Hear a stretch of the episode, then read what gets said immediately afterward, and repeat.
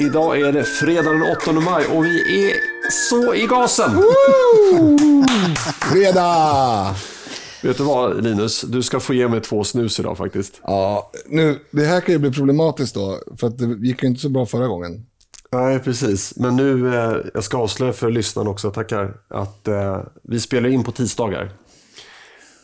Och, eh, Oftast. Oftast ja, och så gör vi idag. Så att vi bara låtsades att det var fredag. Men det är fredag när ni lyssnar i alla fall. Eh, och jag har eh, en enorm nackspärr. Jag har, fått stå upp hela tiden nu. Jag, jag kan inte sätta mig ner för då, då gör det för ont helt enkelt. Eh, Gamla farbror. Ja, och eh, eftersom jag är helt ovan vid nikotin så har det en, en bedövande effekt. Så det eh, kan boosta min eh, värktablett som jag tog. Jaha, det är din medicinska teori. Ja. Så nu jäklar.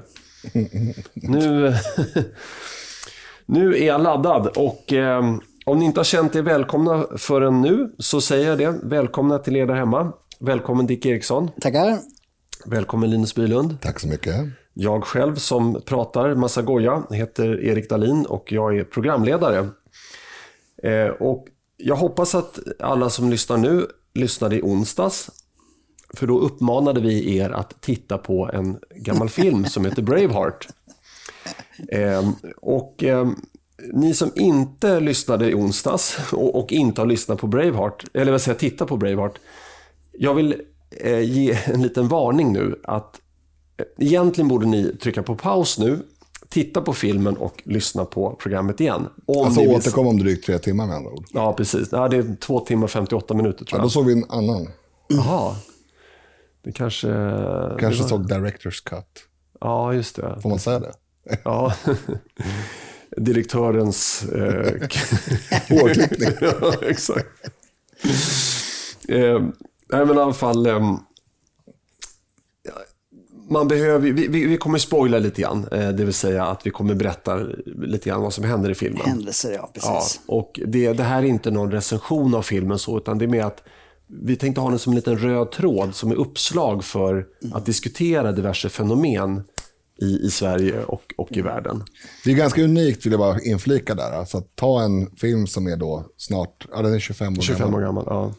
Och eh, ha den i ett poddavsnitt som någon sorts röd tråd. Alltså jag tror att det är vanligare att ha en, en eh, omtalad, alltså aktuell och Men poängen är ju det att det, det handlar om 1200-talet. Så att det, det, Ja, det, det, det är liksom inte någonting en- som in, inte gäller längre. Det är Nej, historia sant, i sant. botten. Ja, jag tror att 1300-talet, eh, Robert the Bruce som är med som en karaktär, eh, han eh, eh, regerade eh, sedermera då Skottland eh, på 1300-talet. Just det, här, är som grabb, eh, då är det 1200-tal. Ja, det jag det, det här- där avgörande slaget tror jag var 1307 eller något sånt Ja, där. så kanske det var ja. Mm.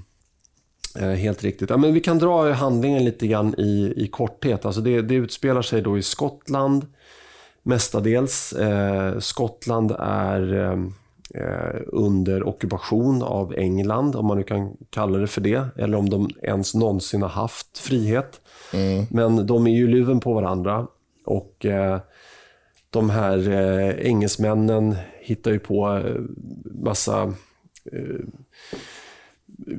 djävulskap för att hålla eh, Underkuva, Skottland, ja. underkuva sk- skottarna helt enkelt. Eh, och då, själva Gnista, just det precis. Filmen handlar då om Skottlands kamp för frihet från England och den kampen kommer att ledas av en viss William Wallace. Själva gnistan till eh, det här upproret då som han leder är en rätt för engelska adelsmän att spendera bröllopsnatten tillsammans med en nygift brud i Skottland. Alltså inte med sin egen nygifta brud, utan någon annans. Ja, exakt. Det är, en, det är en engelsk adelsman då som eh, ja, är posterad i Skottland. Och eh, för att göra det här attraktivt att utposteras i det här nordliga riket så har eh, engelska kungen infört en rätt för adelsmännen att spendera bröllopsnatten med en nygift skotsk brud i filmen. Jag vet inte om det här har någon grund i verkligheten. Eh, eller om det var... Eh, jag, jag, skulle verkligen inte tro att, att det var just eh, det här som ledde till upproret i verkligheten. För att filmen inte... Den, det, Nej, det är ingen dokumentär. Det är ingen dokumentär, nej, men nej. den har ju någon form av verklighetsanknytning mm. i alla fall. Det, det, det är rätt kungar och så vidare. Ja. ja William Wallace har ju funnits ja, på precis. riktigt och mm. Robert the Bruce och så vidare. Eh, men, eh, men det som... Eh, man kan nog säga att, att resten av filmen i, i stora drag alltså är, baserad på forna tiders frihetskamp. Att det, det var de här stora slagen och, eh, och intrigerna och adelsmännen. Man gav dem eh, massa privilegier och sådär för att ja, tillskansa sig makt över andra egendomar, andra riken. Ehm, och det, det, är alltså män då som har kämpat och dött på slagfält för en nations frihet. Det är det som filmen ja. handlar om bland annat. Och då undrar man, för vad? Enbart för sin egen skull? Knappast skulle jag säga. Utan det är för sin familjs, sina vänners, sina likasinnades, sina barns, sina barnbarns och sina barnbarns barns och så vidare skull. Eh, Förvisso är jag medveten om att många män tvingats ut i krig, alltså tvingats ut i krig, eh, eller att de gjort det för att de av ekonomiska skäl inte haft annat val. Men det förtar inte det faktum att vi idag skördar frukterna av, många män och kvin- av att många män och kvinnor har offrat sina liv i kampen för både Skottland, men nu är vi i Sverige, och det var mm. det jag drog parallellen, för Sveriges överlevnad ja. som nation och för vår personliga frihet. Och för att jag själv ska överleva som person måste jag ta ut den här snusen. Alltså. Ja, jädrars. Det blev värre när jag stod upp. Han är ganska ynklig den här programledaren. ehm, och jag, jag, såg den här filmen första gången när jag eh, knappt var 20 år gammal. Eh, så att jag tror att antingen ser jag med, med andra ögon nu, eller så är det så att Sverige befinner sig i ett annat läge än vi gjorde då i mitten på 90-talet. För att man kan säga så här, i dagens Sverige finns det ingen ockuperande makt som kräver att få spendera bröllopsnatten med bruden. Men vi har faktiskt annat att bekymra oss för. Kan vi låta våra döttrar gå ensamma hem genom stan en sen kväll? Kan vi köpa en ny telefon till vår son utan risk för att han blir rånad? Kan vi överhuvudtaget bo kvar i vårt område utan att riskera att vår bil bränns upp? Eller att vår son blir kissad i munnen eller får örat avskuret vid ett förnedringsrån? Får vi den samhällsservice som vi kämpat för i hela vårt vuxna liv? Eller dör vi i kön till cancervården? Är jag någon sorts märklig foliehatt eh, som liksom tänker i de här banorna? Eller? Ja, det är du, men inte, inte i det här sammanhanget. Nej.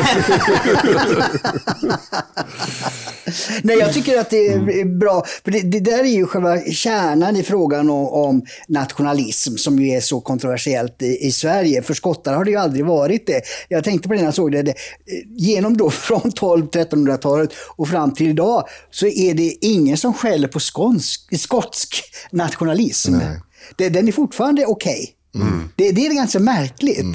För de har haft folkomröstning om självständighet från Storbritannien eh, för ett antal år sedan. Mm. Eh, så den där striden pågår ju fortfarande på, på, ett sätt. Men på ett annat gör den ju inte det. För det.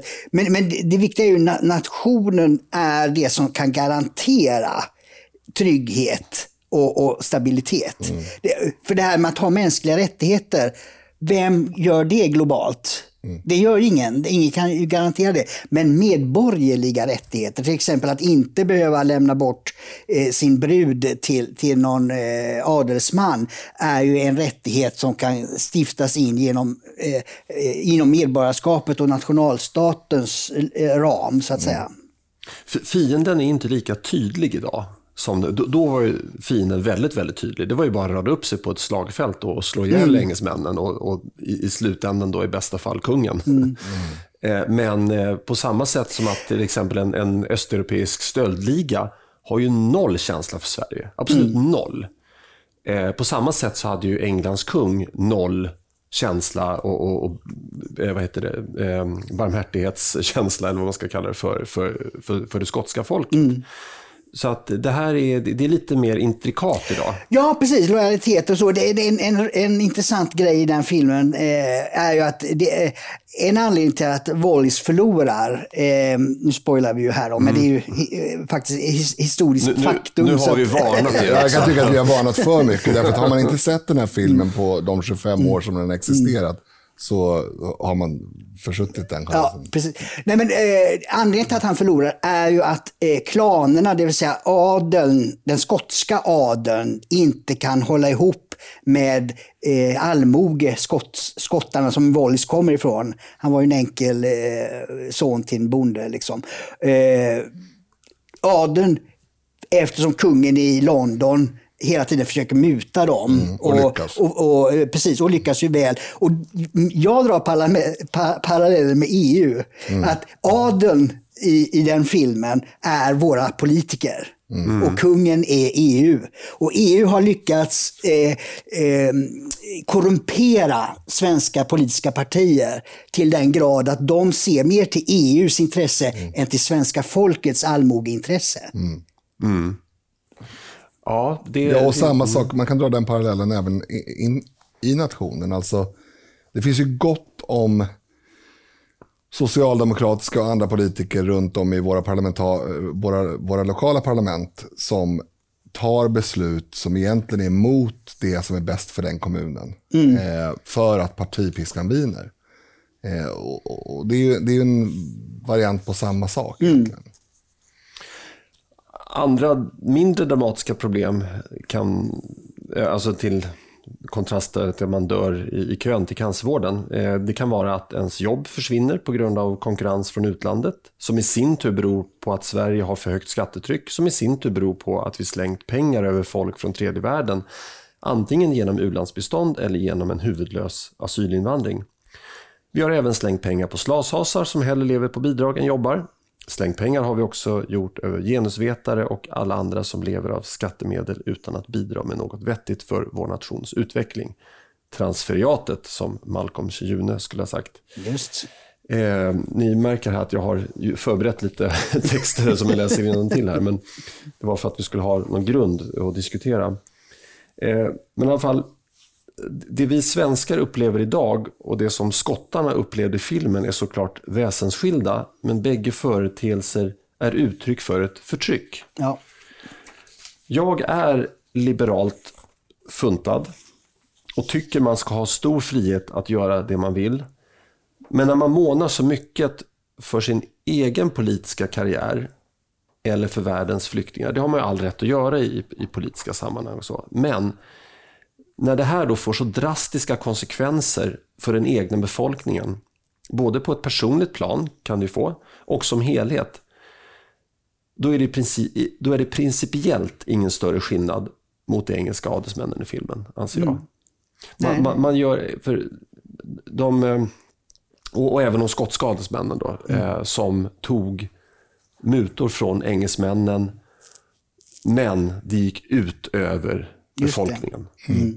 Och det är samma sak här, jag, det, men det är så väldigt intrikat idag eh, uppbyggt. Och det här med EU var, var en intressant eh, sak, men jag, eh, ja, anledningen till att vi har hamnat i den här situationen vi har gjort i Sverige idag, det är ju att eh, den övre medelklassen, överklassen och, och till och med kanske medelklassen levde ju ganska länge i en fluffig eh, snöflingemiljö i Sverige. För att man märkte inte av det som höll på att hända. Man märkte inte att det kom in kanske 5 000 personer som, som hade en annan lojalitet än eh, Sverige och det svenska folket. Att de hade en lojalitet med IS. Om, om det är några ett fåtal eh, personer, det, det, det märker man ju inte. Men om det liksom blir hundratusentals personer som, så, som har en, en större lo- lojalitet med, med en annan nation än Sverige, då, då kommer det här drabba eh, hela samhället. Ja, precis. Och, det, och vi ser ju det nu. Äldreomsorgens brister. Hade man haft de hundratals miljarder som har lagts ner på migrationen under årtionden, lagt det på äldreomsorgen så hade ju inte det här hänt. Nej. Nej. Vem bär då... ja, Vill du Jag har en annan parallell som jag vill dra, men vi kan vänta lite med den kanske. Ja, det, vem bär då skulden för att en journalist inte kan stå på torget i Kronogården utan att bli misshandlad, rånad och kallad horunge? Låt mig först fråga vem som bär skulden för att den skotska bruden blev våldtagen med stöd av lagen. Den engelske kungen eller adelsmannen som utför gärningen? Jag skulle säga bägge. I fallet med Kronogården så vilar ansvaret både på våra företrädare i riksdagen och på slödret i Kronogården. Att vi svenskar röstar fram en politik som kan jämföras med hur en ockuperande makt behandlar sina ockuperade kan enligt min uppfattning inte beskrivas eh, som annat än djupt tragiskt. Alltså, här har vi ju med någon form av frivillighet försatt oss i den här situationen. Medan det var inte fallet då med, med skottarna. Nej, det är Men- men självskadebeteende. Det är ett självskadebeteende, men, och, men det är båda ett, ett form av förtryck anser jag. Ja, absolut. Eh, inga lyckligare, eller in, inga vidare eh, reflektioner där. Nej, det, det, Jag, jag håller med dig helt att det, det, det, går att dra de parallellerna. Ja. Men lyckligtvis då i alla fall så slipper vi svenskar gå ut i krig idag för att försvara vår personliga frihet och vår rätt till att inte bli våldtagna, rånade, mördade och få vår egendom konfiskerad. Vi kan bara gå till valurnan. Men vägen dit är kantad av en massa godhetsknarkare som utövar härskarteknik i sociala medier och i andra sociala sammanhang. Genom deras fulspel förvrängs debatten och folk som egentligen skulle kunna tillföra nyttiga argument i det offentliga samtalet tystas. Folk som är lättpåverkade tror också på riktigt att Donald Trump är elak och att Sverigedemokraterna är rasister. Eh, Men när du funderar, du som lyssnar på det här, om du ska ta debatten i fikarummet, i kompisgänget eller i sociala medier, tänk då på att dina förfäder faktiskt med största sannolikhet har kämpat för vår nation med sitt liv som insats och vunnit. Men eh, du ska inte ta fighter du inte kan vinna. För att citera William Wallace pappa i filmen. Just det. Jag vet, jag vet att du kan slåss, men det är våra förstånd som gör oss till män. Ja, just det. Ja. Nej, men jag tycker det är väldigt bra och eh, jag skulle tillägga där också att om man nu inte ens vill ta en verbal fight så kan man faktiskt, om, om man nu tycker att det är viktigt att, att vårda nationen Sverige och de värderingar som, som den bygger på, då kan man ju till exempel jobba som valförrättare, se till att valet går rätt till. Eh, man kan eh, ta anställning som bibliotekarie, se till att alla böcker kommer in, att man inte stoppar Tino Sanandadjis massutmaning till exempel, Ja, just det. eh, som vissa bibliote- bibliotekarier gör, eh, biblioteksföreståndare. Eh, det, det finns otroligt mycket man kan göra faktiskt eh, för att försvara det sätt vi lever på eh, och, eh, ja, och, och nationen Sverige utan att för den skull egentligen säga vad man tycker. Mm, nu tycker jag att man ska säga vad man tycker. Ja, jo absolut, men det kan ju finnas några som... Jag tycker att det är en bra parallell till filmen att eh, den här Robert De Bruce, va, den yngre, eh, han, han är ju en sån här sverigedemokrat som inte vågar säga det. Och det leder ju till ganska dåliga saker. Han tar ju till och med beslut som, som eh, är till nackdel för den skotska sidan. Ja, han sviker ju helt enkelt. Ja, exakt. Eh, och, och, och han, ehm, om vi ska dra paralleller till filmen, vilket ju är tanken då, så, så borde ju han ha gått efter vad han kände och tyckte. Och från början sagt att jag, är, jag kör, min, min, eh, min klan, eller vad de nu kallar sig, är på din sida. Liksom. Ja, Men det, det tycker jag faktiskt var en, en intressant grej. Det är ju Mel Gibson som har regisserat filmen också. Han spelar ju inte bara huvudrollen, så det är ju väldigt mycket han. Och, och eh, Det jag tycker var intressant var just den här utdragna scenen när, när eh, hjälten då upptäcker att, att den här adelsmannen har svikit honom. Alltså, Ja, den, ja. Mm. ja, den scenen är ju ganska utdragen. Och det, det förekommer inte idag särskilt ofta.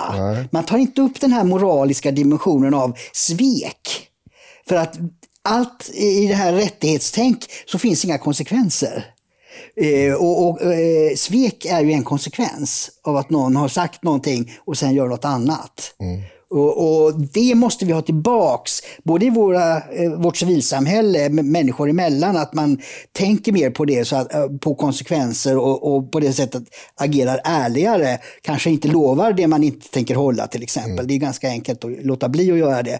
Och eh, även i politiken då att det blir tydligare att politiker och makthavare, generaldirektörer, domare och andra får ta ansvar för det, för det de gör och sviker dem, så är det en allvarlig eh, handling. Gällande den här Robert the Bruce så hade jag skrivit en liten utläggning om honom också. Mm. eh, av hela sitt hjärta vill Robert the Bruce hjälpa William Wallace, men hans far vill att han ska ta emot en massa egendomar av engelsmännen istället för att gå i krig mot dem. Eh, jag kan inte låta bli att dra en parallell till många fåntrattar i dagens Sverige som sitter på stora förmögenheter eller höga positioner och kastar skit på Sverigedemokrater. Istället för att hedra sina förfäders kämpande på liv och död i krig och mot svält och farsoter så föraktar de oss som inte vill ha bönutrop och hederskultur i Sverige. Men det finns undantag. Jag vet att det finns de som knyter näven i byxfickan och till er vill jag bara säga dina förfäder dog i krig för din skull. Nu är det din förbaskade skyldighet att säga vad du tycker och stå upp för ditt land och din personliga frihet. Du riskerar inte ditt liv utan möjligen en decimal på ditt bankkonto. Robert the Bruce far var en ynkrygg eh, I filmen ska tilläggas, då vi inte vet så mycket om Robert the Bruce eh, far på riktigt. Eh, men Robert Bruce själv stod till slut upp för det han ansåg vara rätt och riktigt och ledde sitt folk mot frihet. Vilket innebar att han vände ryggen mot sin far och diverse mutor från engelsmännen. Mm. Mm, det, där, det var det jag sa förut att mm. jag ville lägga till, fast du sa det på ett annat sätt. Jag skulle vilja dra ytterligare ett steg. Alltså, det finns ju väldigt, väldigt tydliga paralleller med att alltså det, man måste förstå att förmögna människor, väldigt förmögna människor, nu ska inte du ta illa upp här Erik, eh, inte är, eh, som grupp betraktat, inte är eh, lojala med folket som de borde. Och det gäller i 1200-talets eh, Skottland och det gäller idag. Alltså, titta på Leif Östling-intervjun i, i Sveb-TV. Eller titta på andra avhoppade liksom, pampar. Eller börsbolags-vd. Börsbolags ja. Inflytelserika personer egentligen. Det finns ju ganska många vittnesmål om att man dansar med eh, massmigrationens och, och eh, den rådande liksom, samhällsordningens pipa därför att det helt enkelt är kortsiktigt bra. Eller rättare sagt, det är kortsiktigt dåligt att inte göra det. Men på lång sikt, och det gäller adelsmännen i, i 1200-talets Skottland och det gäller eh, börs och andra inflytelserika inom näringslivet i Sverige idag. På lång sikt så gräver man sin egen grav om man inte gör det som är rätt. Och man kan inte, man kan inte liksom vinna någonting utan offra någonting. Och det är inte, att, det är inte liksom jämförelsevis samma sak att offra eh, lite av sitt sociala liv eller vad det nu kan bli för konsekvenser. Eh, som, som, att gå ut på ett slagfält. Så det, det, är fler som borde göra det. Man borde se sig själv i spegeln och fundera på vad är, vad är det jag håller på med? Vad är, det för, vad är det för samhälle jag vill lämna efter mig till mina barn och barnbarn? Och, och särskilt så, så, kan ju de som Leif Östling då, som, som har nått pensionsålder och liksom inte har någon framtida karriär att tänka på. De borde i högre grad prata och ja, delta jag, i debatten. Jag menar, att, jag menar att det... Också. Alltså, jag, jag, håller med. Om man inte, jag, jag, kan förstå en börsbolags-vd i, i 40-årsåldern som är satt för att utveckla företaget har svårt att göra någonting annat än det som är bra för företaget just då. Jo, men man behöver i alla fall inte göra motsatt. Alltså man behöver inte, man behöver liksom inte spela med i någon jäkla eh, tabu eh, vad heter det, halvcensurartad samhällsdebatt på fel sida. För att... Nej, fel sida, man kan ju hålla käften då. Ja, Vi har ju pratat om det, artister och, och sånt där, de, de, de kanske inte ska eh, lägga Nej, sig i politik. De, de, har ju heller ingen kompetens annat än att de är artister. Så de bör ju vara tysta om allt som inte handlar om det som mm. de är bra på. Men, men, men, man kan ju alltid kalla en spade för en spade. Ja. Alltså, nu har du, det var ju någon som skrev, eh, om det var han var vd eller vad han nu var, men han var stationerad i Göteborgstrakten, i alla fall i Göteborg. Eh, och eh, han ansåg ju då att det var problem att rekrytera folk för att det var så oroligt där. Mm. Men varför kan inte bara säga också, han, han tog ju bladet från munnen, men varför kan inte fler säga, ursäkta mig, men vad är det för skitsamhälle ni har skapat? Mm. Vad, vad, är det här? Vad, vad, är, vad är det vi blickar ut över? Mm. Kronogården, Rinkeby, Fittja. Vad, vad, vad, vad, har, vad har ni hållit på med? Ja, eller, eller tvärtom säga det. Om vi ska kunna utveckla våra företag på ja. det bästa möjliga sätt, då måste ni politiker se till att det finns eh, lugn och ro och ungarna lär sig något i skolan. Det är mm. er skyldighet att leverera eh, medborgare som kan delta i samhällets utveckling. Mm, helt, helt riktigt, bra, bra inflikning. Mm. Men jag menar att det här är ju på alla nivåer. Jag menar att ju mer man har att förlora, desto mer feg eh, tenderar man att vara. Och Det gäller som sagt eh, i Sverige nu och det gällde i Skottland på 1200-talet. Men, men det finns ju flera nivåer. Vi har ju, det, det puttrar ju upp hyr lite grann här angående corona. Eh, hur mycket det har drabbat äldreboende. Att, att det finns en faktor av eh, kommunikationsproblem. Att man helt enkelt inte kan språket. Mm. Det har vi hört från några, några stycken nu här senaste veckorna. Eh, kommit ut lite sådär whistleblowers eller vad man ska kalla det. Vad heter det på svenska Erik? Visselblåsare, Visselblåsare faktiskt. Ja, ja. eh, ja det, var, det var ju skönt att det var så enkelt. Men, uh men eh, alltså, det är också så här, det är en skyldighet. Om du, om du vet någonting mm. som eh, förtigs i debatten, då är det din skyldighet att säga det.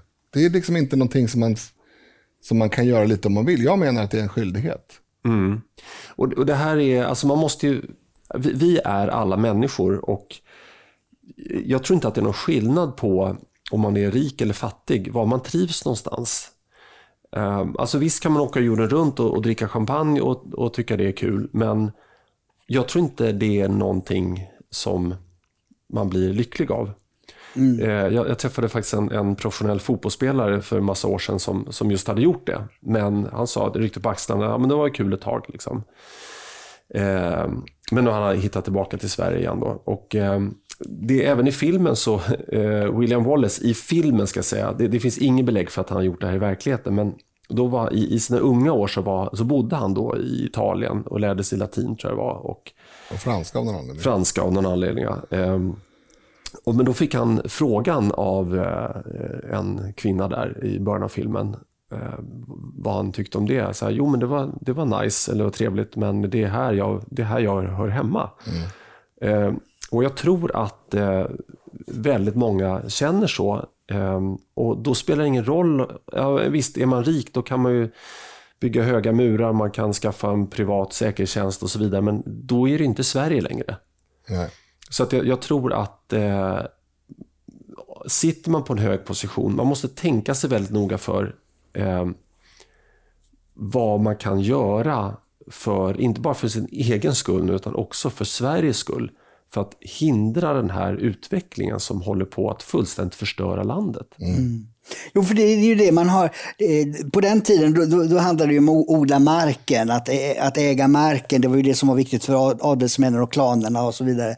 Men, men, men idag är det ju faktiskt att odla en, en Eh, Eh, ja, civilisation, en kultur där man kan fortsätta att utveckla olika verksamheter. Och det kan man inte göra om man inte har trygghet och lugn och ro och, och stabilitet. så att säga. Och, och där har ju eh, både sossar och, och borgare eh, liksom tappat koncepten, eller hur man ska uttrycka det, liksom förståelsen för vad det är som för samhället framåt. Mm. Det är inte bara enskilda enskildheter, utan det är ju hur hela samhället eh, fungerar och, mm. och, utvecklas.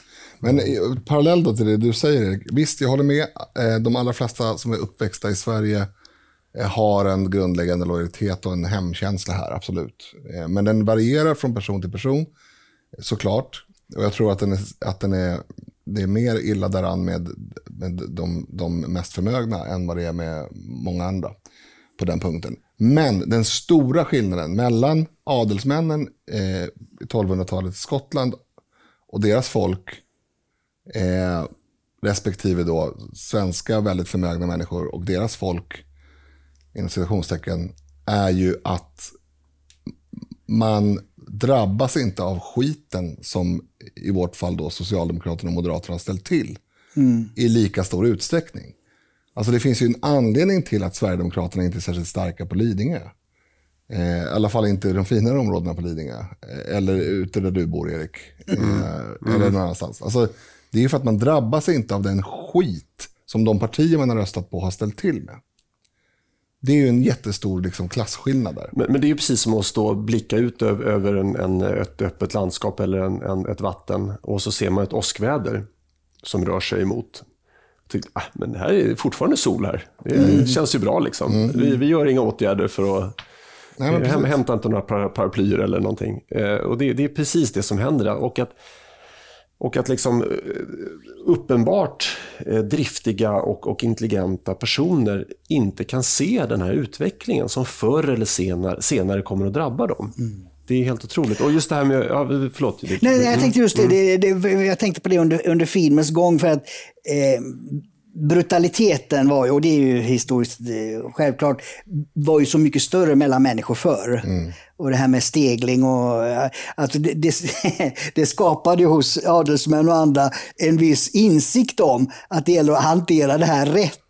Mm. Annars får man huvudet, är man ett huvud kortare. Mm. Det drabbas ju ingen av idag i Sverige. Nej, än. Så man behöver inte tänka ja. på det. Man kan, man kan vara mm. väldigt egoistisk och, och, och, behöver inte tänka på annat. Nej, men det är inte ens så. Det utkrävs ju inget ansvar ens av de ansvariga politikerna. Nej, nej. Men, men vi, vi, kan ju titta på länder där islamister har fått fotfäste på riktigt. Mm. Alltså Libanon och, och Syrien. Syrien. Där betyder det döden. Mm. Det, det, gör det. Och nu, nu, ska inte jag liksom säga att, att vi, vi på något sätt är, är där i Sverige idag, men eh, man måste ju ändå liksom ha någon form av framtidsanalys. Jag menar, en börs-VD som inte på något sätt kan se, som till exempel så här, nej men vi kommer inte satsa på eldrift. Det, det kommer, olja, oljan kostar bara, det, det kostar 13 spänn liten att tanka diesel, det är inga problem på sikt så kommer ju, alltså det, det kanske inte kommer drabba, en, en sån taktik att blunda för framtiden kanske inte kommer drabba företaget närmsta året, inte närmsta två åren. Men på, på 20 år kommer mm. det drabba företaget. Och företaget måste redan nu avsätta resurser mm. för att tackla verkligheten om 20 år. På precis samma sätt ja. så måste man ju fundera på, okej, okay, hur kommer det här samhället se ut om 20 år för mig och för min familj? Ja. Och inte bara för min familj, för mina barns barn och deras barn. Mm. Vill man verkligen ta sitt pick och pack och flytta till Palm Springs i, i var nu det ligger, Palm Beach ska jag säga, i Florida och, och, mm. sitta där eh, på stranden och smutta drinkar. Det är inget liv. Nej. Det är inte det. Och jag tycker Robert Bruce, han, det, är, det är sådana otroligt, alltså jag, jag grät som ett barn i den här filmen. Alltså, jag tycker mm. så otroligt bra dialoger. När han kommer då till sin pappa och eh, så, så säger pappan att det var 17 du, du ser nedstämd ut. Och då är det efter att han kommer hem och har svikit William Wallace. Då. Eh, och han lands, titles, men, power, nothing. Och så går han vidare då liksom att han, han, han har ju ingenting för att han har inte följt sitt hjärta. Mm. Eh, och något de säger, det där eh, William Wallace pappa säger till, till en, en, den unge William Wallace i början av filmen Your heart is free. Have the courage, courage, have the courage to follow it. Mm. Mm. Eh, och, och eh, det, det är ju så faktiskt att vi, jag tycker det är otroligt bra sagt. Alltså att vi, vi är ju fria i oss själva. Eh, och vi har ju tankar som vi inte kan blunda för. De finns inom oss. Det är bara att man måste ha modet att säga dem. Mm. Eh, och, och, Det här också med, med att, att, följa en ledare. William Wallace han, han vädjar ju till, till Robert the Bruce eh, att han ska eh, dra nytta av den position han har i samhället. Alltså Madles man. Ja, mm. därför att folk följer dig. Mm. Och jag är också beredd att följa dig, säger han till honom. Eh, och jag tycker att ehm, det, är, det är så det är. Jag kan ta att ens nämna Annie Lööf och Robert De Bruce i samma mening, det är ju, det är ju eh, eh, vad ska jag säga? Eh, vanhelgande. Vanhelgande, tack. Men, men eh, Robert the Bruce dog ju på 1300-talet, så att han kanske inte bryr sig så mycket. Eh, men hon steg ju fram som en ledare. Folket, i alla fall delar av folket, lyssnade på henne. Men hon svek dem. Mm. Men hon känner ta med fan ingen skam över det. Nej. Och det är, det är upprörande, ska jag mm. säga. Precis, jo det är det. Och det. Jag tror det har också med, jag var inne på det just, de där känslorna och konsekvenser. En, en annan effekt, eller, perspektiv som jag tycker saknas idag, det, det är att det, allting är så kortsiktigt. Mm. Både partier, eh, företag, media eh, tänker väldigt kortsiktigt. Eh, en sån där eh, tydlig grej på det är, att olika diagram och sånt, de brukar aldrig vara mer än ett år numera. Nej. Förr var det liksom 20 år tillbaka i tiden. Och jag tycker ju det, det är liksom längre tidsperioder, det är då det blir intressant att jämföra vad man gör, både bakåt och, och framåt. Och bara en, en sån konkret sak är, är Ingvar Kamprad. Han fick ju frågan, frågan varför han inte introducerade eh, eh, Ikea på börsen. Och då var ju hans svar, börsen är alldeles för kortsiktig. Jag vill kunna fatta beslut, göra satsningar i olika länder som på ett, två, fem års sikt inte är lönsamma, men som jag tror är bra för Ikea. Mm. Och det kan jag inte göra om, om vi eh, introducerar eh, Ikea på börsen. Men man ska ju ha ett långsiktigt perspektiv bakåt. Det, det är ju liksom en konservatism mm. grundpelare. Eh, det var väl någon som sa, nu kommer jag inte ihåg ens vem som sa det, men att uh, fick frågan om hur franska revolutionen har påverkat världen, så det är för tidigt att uttala sig. Just det, jag tror Chou Lai tror jag det var, ja. Maus medarbetare. det kanske är lite överdrivet. Det, det jag tänkte på var att om man nu väljer att ta bladet från munnen och beskriva Sverige som det är och faktiskt stå upp för att man tycker att det är en förjävlig utveckling och eh, faktiskt säga att våra politiker har delvis förstört Sverige. Om man nu skulle ha modet att säga det. Eh, då kommer man få fiender. Mm. Alltså man, man mm. kommer inte bli omtyckt av alla.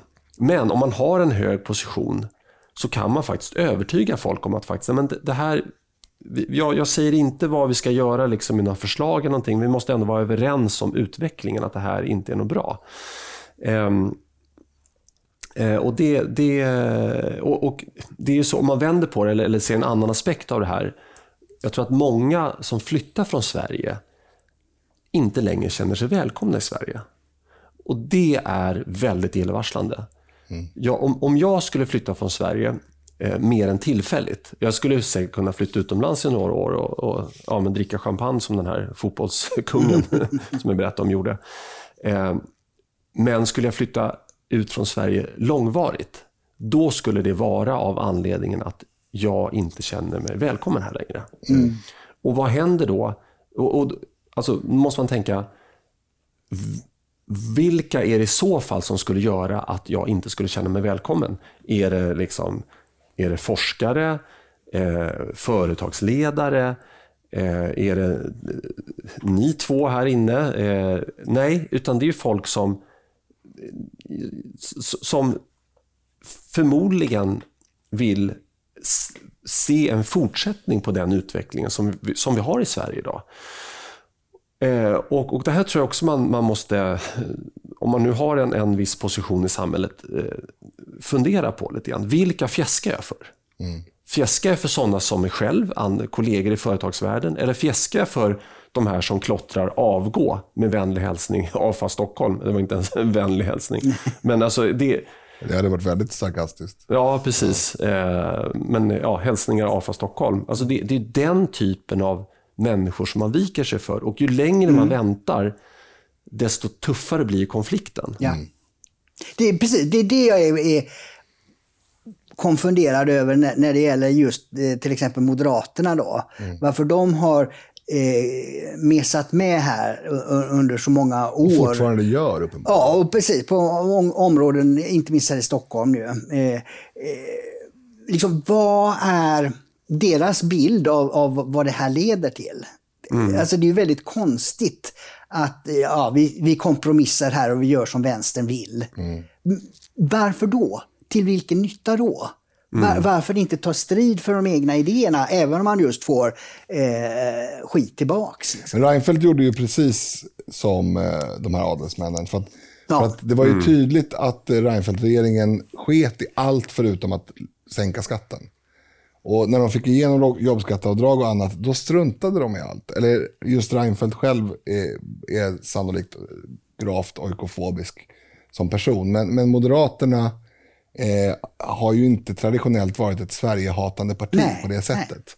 Men de, de mutade sig själva genom att nischa in sig på ekonomiska frågor som kortsiktigt skulle, de tyckte kortsiktigt skulle vara bra och kanske långsiktigt. Men, men gav bort frågor som långsiktigt är destruktiva. Och det är också en parallell man kan dra. Alltså det, det är ju verkligen så. Det är mutor fast på ett annat sätt. Ja, Det är mycket, mycket bra Linus. Jag, jag, jag vet inte om det är någon telepatiskt här i det här eh, fina konferensrummet, men jag, jag tänkte precis på Reinfeldt också. Och parallellen kan man ju dra till eh, Robert the Bruce far. Som, Om man säger att han är, är Reinfeldt och sen så är Kristersson nu Robert the Bruce. Just Han, ni skrattar, det här är allvarligt. Jo, jo, men det är igenkänningsfaktorn där. Ja. Ja, ja, det är ju det. det, är ju det. Eh, och jag vill hävda att det bästa Ulf Kristersson kunde göra det är att vända ryggen mot mycket av vad Reinfeldt har sagt. Till och med kanske utesluta honom ur Moderaterna. För att det blir så otroligt ihåligt.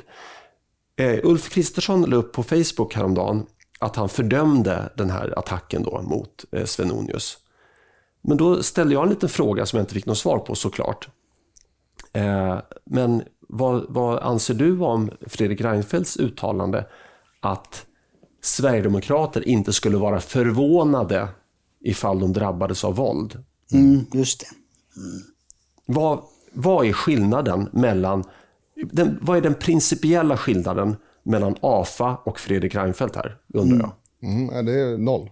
Den är noll och, då, och det blir så otroligt ihåligt. Så länge som, som det mo- moderata partiet inte tar avstånd från Fredrik Reinfeldt så har de den här konflikten hela tiden. Eller de, de, de har den här, det här De hoppas, att det, hyckleriet. de hoppas att det ska gå över, för, de, för, för i deras tideräkning så går allting mycket fortare än vad det gör på riktigt. De tycker att nu har vi bytt partiledare, två gånger dessutom, och, och då borde det här vara överspelat. Men det funkar ju inte riktigt så. Alltså, man måste ju man måste ju göra någon sorts avbön om, om det inte ska ta 20 år. Ja, Ja, och, lys- jag, tänkte, jag lyssnade på, vad var det för någonting nu då? Jo, det var nog Godmorgon Världen där, där Swedbanks nya vd, eh, hen, vad heter han nu då? Ah, nu tappar jag namnet på honom. Eh, men han sa ju, eh, de, de, dels det här som är självklart, liksom att det, det, är, eh, tar lång tid att bygga upp förtroende, men det är lätt att rasera det. Eh, men sen så sa han också vad, vad Swedbank nu gör då med, med honom i ledningen, eh, är att lägga alla korten på bordet med det här eh, att man har låtit folk tvätta Eh, svarta pengar vita i Baltikum, eh, låtit externa eh, experter titta på det här och lagt allt på bordet. Allt ska vara eh, transparent och genomlyst och på det sättet så menar han så hoppas vi att vi kan bygga upp ett nytt förtroende. Att vi visar att vi har ändrat oss. Att vi står för någonting annat nu än vad vi gjorde då. Och det, jag tänkte, det där borde ju Moderaterna eh, eh, tänk, eh, lyssna på honom. Ja, alltså det, det är ju så här, jag, jag, nu är inte jag eh, engagerad i Sverigedemokraterna på det sättet. Eh, men eh, det skulle ju innebära ett, ett enormt väljartapp eh, för SD. Om Ulf Kristersson skulle kunna visa det ledarskapet. Eh, Men det skulle innebära ett väljartapp även för Moderaterna. Ja, det är möjligt. Men, men det är också, det, det, det är också beror på vad man tror på. Om man har den här positionen som faktiskt Ulf Kristersson har. Han är, han är en ledare. Vad, då visar han, vad ska han tro på? Tror han på Fredrik Reinfeldt, det han sa, att eh, eh, Sverigedemokraterna inte ska vara förvånade om de drabbas av våld, med tanke på hur de uttrycker sig? Eh, är det det han tror på? Nej, jag, jag, tror inte det. Men då måste han också visa ledarskap och visa att det här tror vi inte på längre. Och jag tycker han eh, famlar lite grann. Precis. Jens Henriksson heter han som var, eh, eller är vd i, i Swedbank och, och eh, skulle kunna ge Moderaterna lite tips. Han är gammal socialdemokrat. Ja, det här poddavsnittet blir ju unikt på så sätt att vi lägger eh, otroligt mycket tid på en 25 år gammal film. Men Dick, du, du, eh, du, såg den här för första gången igår, var det inte så? Ja, precis. Jag har, eh, jag, jag har ju sett Mel Gibson i den här långhåriga utstyrseln, så att säga. Men jag, jag tror inte jag har sett filmen. Nej. Nej, nej, men jag tycker, jag hade ju i baktanken naturligtvis att, att den är mm, gjord 1995 och, och, och så är det actionscener i och det brukar betyda eh, att det inte håller. Eh, men, men jag tycker jämfört med annat som finns så, så, så håller den och just det vi har varit inne på här nu.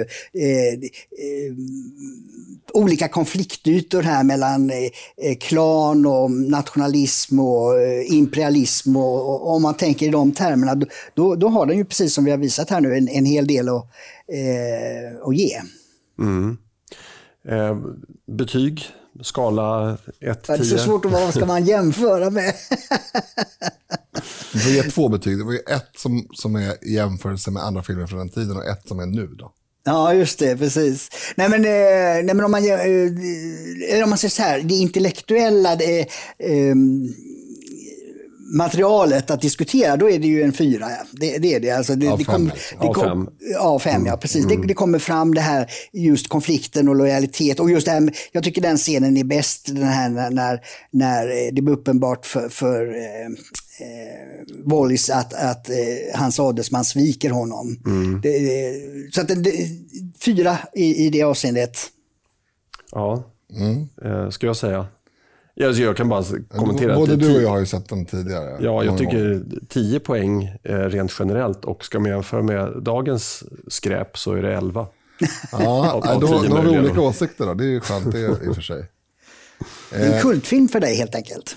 Ja, den är tidlös ja. Eh, skulle jag säga. Och, och, det görs ju inte. Jag tror det var därför som jag reagerade så starkt när jag såg den nu. Att den, den har eh, infallsvinklar som man inte ser på film idag egentligen. Mm. Så, så stora produktioner. Det kanske finns några, vad ska man säga, eh, mindre, eh, vad säger man, under, under underground. Independent. Ja, eller, oberoende, ja. precis. Mm. Eh, filmer som eh, görs, men de tittar jag inte på. Så att, eh.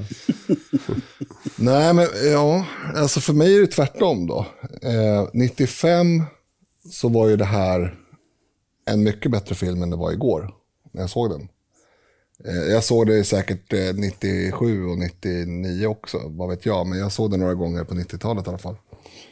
Eh, sen har jag sagt till min fru så här, fan har du sett Braveheart? Nej, jag har inte gjort det. Men vi får se om den någon gång, jag har sagt flera gånger. Så nu var det ju perfekt då när du, Erik, avslöjade att du skulle prata om, om Braveheart.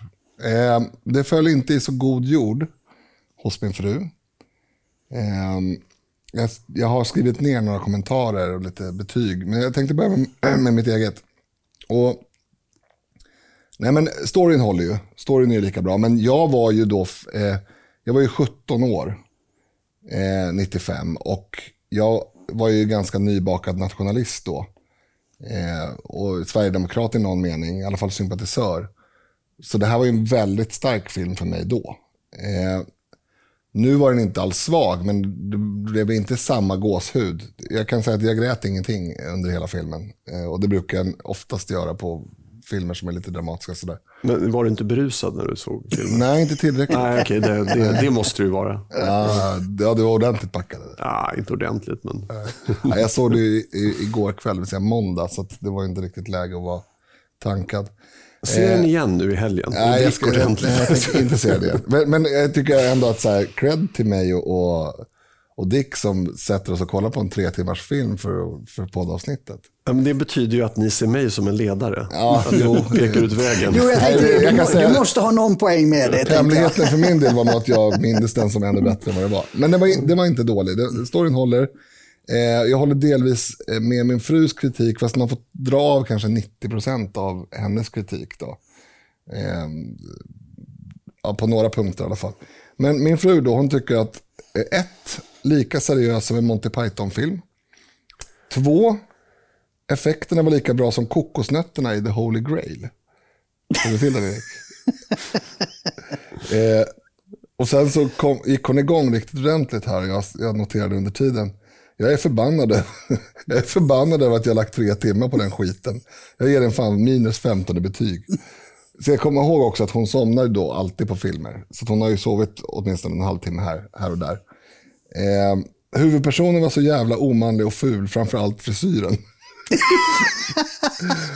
eh, man kan inte basera en film på en kärleksplott som har byggts upp under tre minuter. Och där, där, den poängen kände jag att hon hade. Alltså den här, hans, han, det, I inledningen av filmen så blir hans fru mördad av de här eh, engelsmännen.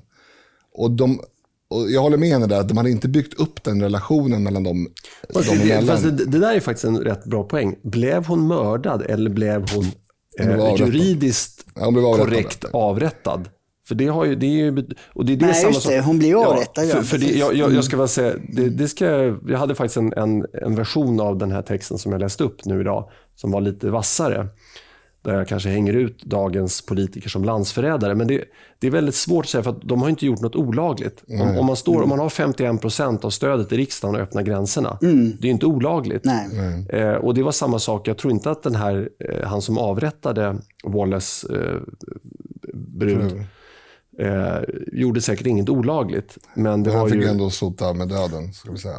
ja, och, och det var ju olagligt. Mm. men, men det var ju rätt. Men, men jag kan hålla med di- din fru om att, det- för det jag tänkte på var- var att men Gibson han är ju 40 när han gör det och bruden är 18. Jag tyckte det var lite, eh, det hängde inte ihop där tyckte jag riktigt. Nej, men de var ju barndomskamrater, så att de skulle ju vara ungefär jämngamla. Ja, det, men det, det ser man ju de- på honom att han inte är. Nej, precis. Eh, men man får ha lång ålders, stor åldersskillnad om man vill. Jag vill bara poängtera det. Eh, hur som helst, eh, återigen till ämnet som är ungefär detsamma då, stor åldersskillnad. Eh, då säger min fru så här, du har ju sett fram emot att visa mig den här filmen, men på riktigt, jag känner mig verkligen ledsen och lurad. och då så avslutningsvis så frågar jag då, är det okej att jag tar det här i podden? Då svarar hon, jag är bara stolt. Ni, an, ni fan andra är idioter. Oj. Ja, så att, och och anledningen till att jag ville läsa upp det här i podden, eh, en stor anledning, det är ju att ni som lyssnar på den här inte har sett Braveheart, ni ska inte ta det för sant att bara för att vi tycker att den är bra så är den bra, utan det kan ju vara individuellt menar jag. Jag, jag ser det som ett tecken på att hon är marinerad i socialism. Nej, hon, hon har inga synpunkter på storyn, hon tyckte bara att det inte var en bra film. Ja, hur Det är nog tidsandan just, när hon, när hon nämner, nämner eh, Monty Python. Liksom. Det, Ja, det, det, det sen så- antyder att det, är en annan... Och vi som har varit med ändå på 90 90-talet, då, vi, vi- vet ju hur det är, men jag kan tänka mig de som inte var det. men de kan tycka att det är ett man- språk och ett sätt att vara som inte man känner igen. Ja, men sen en sån simpel sak som själva kvaliteten på, alltså själva pixelantalet eh, på filmen. Det tänker ju inte vi på. För när, när den där filmen kom, då var ju den eh, liksom high class. Du har för bra tv. Varför sa jag så för? Ja, jag vet inte, men det, Eh, det, det bara, jag har ju en, en skräp-tv. Jag, jag reagerade inte på kvaliteten. Nej, men du reagerar inte för att du är gammal och du såg den när den kom. Och jag reagerar inte heller förrän hon sa, "Vad är, är det VHS det här? Eh, Jag, jag, jag tror den sista filmen jag såg på VHS-kassett var Scarface. senaste. Ja, precis. det är klart, jag här kanske, det är sant. Jag kanske Ja, kommer i se- alla ja. fall. Eh, Och, och den var väldigt, väldigt bra. Men det var ju skitkvalitet. Men Mm. alltså, det spelar ingen roll. Eh, Du, du, du, kan läsa, du kan lyssna på en demokassett med bra musik. Det är Jag fortfarande håller, bättre. jag håller med, men ja. jag säger bara att det kan vara en, de, en delorsak. Att, att hon uppfattar då saker som känns ålderdomligt producerade som... Alltså det, det är där parallellen till Monty Python är snarare än, än något annat tror jag. Och även eh, tidsåldern då såklart. Ja, Julia. Eh, det här kommer du få sota för. Då lämnar vi Braveheart och vi kan väl bara nämna det att eh, till, till den som äger filmrättigheterna eh, att eh, om ni vill tacka oss för att er omsättning kommer öka nu med Markant. ett par hundra miljoner för att vi tipsar om den här filmen så kan ni väl höra av, oss, eh, höra av er till oss på Så löser vi det helt enkelt. samtidigt att samtiden.nu så, så kan vi eh, ge ett konto där ni kan sätta in eh, 10% av den här omsättningen. Mm. Nu ett eh, annat mejl. Hej killar! Grymt bra podd. Upptäckte podden för någon några veckor sedan och har nu snart plöjt igenom samtliga avsnitt. Oj. Podden ni gör behövs och är nyttig då den dels kan ge nya infallsvinklar på diverse frågor och sedan får man ofta nya argument till sådant man tycker. Eh, dock, dock ska det sägas att jag tycker det inom citationstecken killgissas i allt för stor utsträckning. Det är ett ord jag stör mig på. Linus, Okej. du, det här är ett, något av ett favoritord för din del. Ja, alltså jag tillhör, har ju tillhört eh, samma kategori som brevskrivaren. Jag blev förbannad när jag hörde killgissa först, för det sades av någon uppnosig skitbrutta. ehm, som att det var nedlåtande, att det skulle vara dåligt att killgissa. Och, och därför blev jag upprörd. Ehm, det sägs ju även i min familj då av diverse eh, avlägsna eller mindre avlägsna släktingar sägs det på ett sätt som att det skulle vara någon, något negativt. Och, och, och därför så hade jag samma inställning som brevskrivaren under, under ganska många månader eller till och med år. Från att jag hörde det första gången. Men, men eh, jag tycker att det är ganska bra. Alltså det, det är bra att lägga till att man killgissar därför att då säger man en brasklapp att det här är inget jag läser högt från Wikipedia eller, eller har, har eh, verkligen grottat ner mig. Men din varudeklaration. Ja, det, är ett öd, det är ett ödmjukt sätt att säga att nu, nu det här tror jag. Eh, och, och det är säkert sant, för oftast är det ju helt sant det man killgissar. Eller åtminstone så sant som det behövs i situationen. I alla fall när du killgissar. I alla fall när jag killgissar, precis. Inte när Eh, Tegnell kill, killgissar. Nej, det han ska falskt. sluta killgissa. Eh, men alltså jag är ju av den uppfattningen att man kan angripa ord på två sätt. Alltså ord man inte gillar på två sätt. Och det ena är att man inte använder det och försöker eh, liksom tysta det på något sätt. Eller så tar man bara liksom nu visar jag här med armarna, man håller om det liksom. Man kramar det och man tar det till sig. Och för- mig så har då killgissa kommit att betyda eh, den bättre av de två tvillingorden killgissa och tjejtjata. Eh, och, och det tycker jag är en ganska bra definition. Alltså, det är mycket bättre att killgissa än att inte säga någonting. Eh, för killgissa innefattar, menar jag, ett mått av kunskap och ett litet mått av antaganden. Och att man vågar framföra Ja, precis. eh, saken. Sen så klart att man teoretiskt kan killgissa dåligt. Men det kan man ju eh, med alla sorters gissningar. Men li- ligger det något djupare genetiskt i det här att, att killar har, eller män har en form av eh, eh, nedärvd essens eh, som gör att man eh, gillar, gillar att grotta ner i problem och kanske komma till en slutsats. Mm, att det man, tror jag. Ja. Ja, det tror jag också. Jag tror jag, det är en problem, problemlösning. Det är, en- det är ett steg i problemlösning att killgissa. Eh, det är inte lösningen på problemet, men det är ett steg i. Och det är ett steg i att få igång en diskussion eh, om oavsett ämne. En dialog eh, eller en diskussion om ett ämne som man inte riktigt ännu har närmat sig lösningen på. Och därför så är det superbra med killgissningar. Att, att spela schack är ju... Det är ju Att dö en smula. Nej, ja, nej, nej men det... Ja, precis. Eh, Nu kan vi komma tillbaka till Braveheart. Nu är det fredag. Eh, eh, vad var han sa? Eh, eh, det finns eh, de som dör, men det finns ju de som eh, aldrig lever. Just det. Mm. Apropå det. Men i alla fall. Eh, men sådana där djupa uttalanden kan inte Julia ta till sig såklart. Det, Jag tror hon sov under det. Ja, exakt. Det, var därför, det var därför hon inte gillar filmen, jag förstår. Det kommer med nej, åren. nej, men så att, att, att, att spela schack, där, du, du kan ju aldrig säga att, förutom kanske första draget, om, om ens det, att det här är det absolut bästa draget. Men du gissar ju hela tiden. Du, du, tar ju, du, du gissar vad, vad motståndaren tänker och du eh, tar fram en strategi för hur du ska slå Mm. motståndaren. Så att varenda drag är ju en gissning på Du tänker alltså att den här eventuella genetiska skillnaden beror på att eh, på savannen, eh, sedermera också i Europa, så spelade hanarna väldigt mycket schack. Ja, jag, jag tror att det kan vara så att vi har fått eh, genetiska eh, vad heter det, förutsättningar för att klara ett schackparti bättre. Och det är ju faktiskt så, i alla fall förut så var det så att män och kvinnor eh, inte tävlade mot varandra i schack. Och då undrar jag vad det kan bero på. För att kvinnors hjärnor är ju inte sämre än mäns hjärnor. Eller?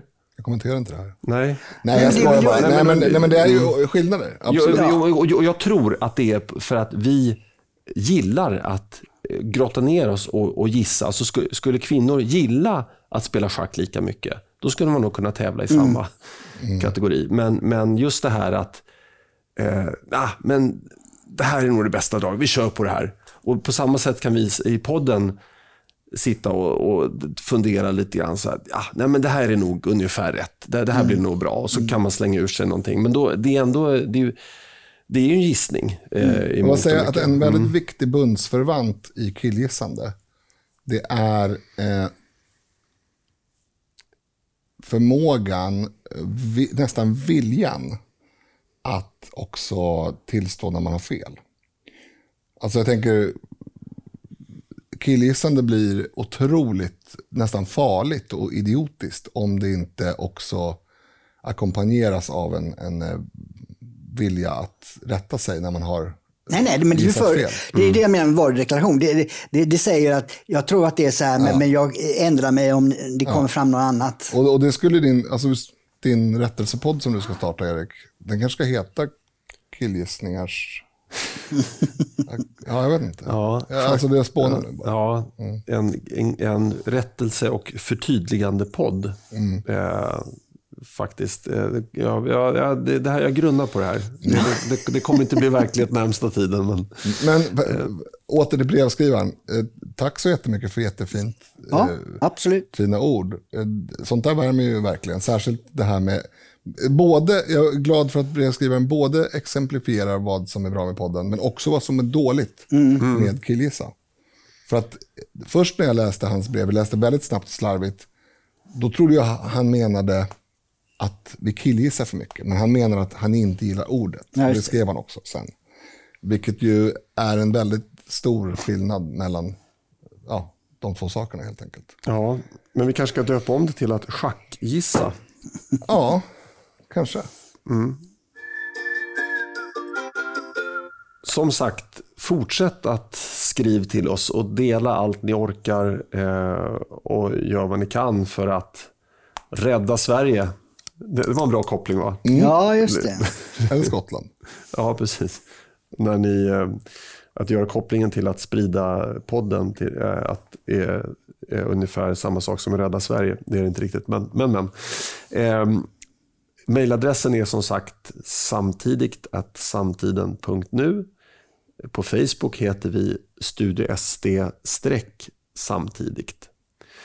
Innan vi säger hej då, ska vi gissa om det här liksom kommer mottas som det bästa avsnittet någonsin eller kanske eventuellt motsatsen? Det är Ja, ett mycket speciellt avsnitt. Om det mottas som det bästa någonsin så kan vi ju lätt konstatera att vi har väldigt få lyssnare under 40 års ålder. Ja, dels det. Men, ja, det är. Men vi kan säga också till den som har, aldrig har lyssnat på ett avsnitt som det här är första avsnittet, det här är väldigt annorlunda än vad det brukar vara. Ett kulturspecial falska eller vad man ska kalla Ja, det. precis. Eh, Den enda rätta finkulturen. Ja, nej men eh, precis. Och med de orden så tackar jag dig Linus Bylund. Tack så mycket. Jag tackar dig Dick Eriksson. Tackar. Så tackar jag mig själv. Och så tackar jag er lyssnare. Och så önskar vi trevlig Trevlig helg. helg. Helg.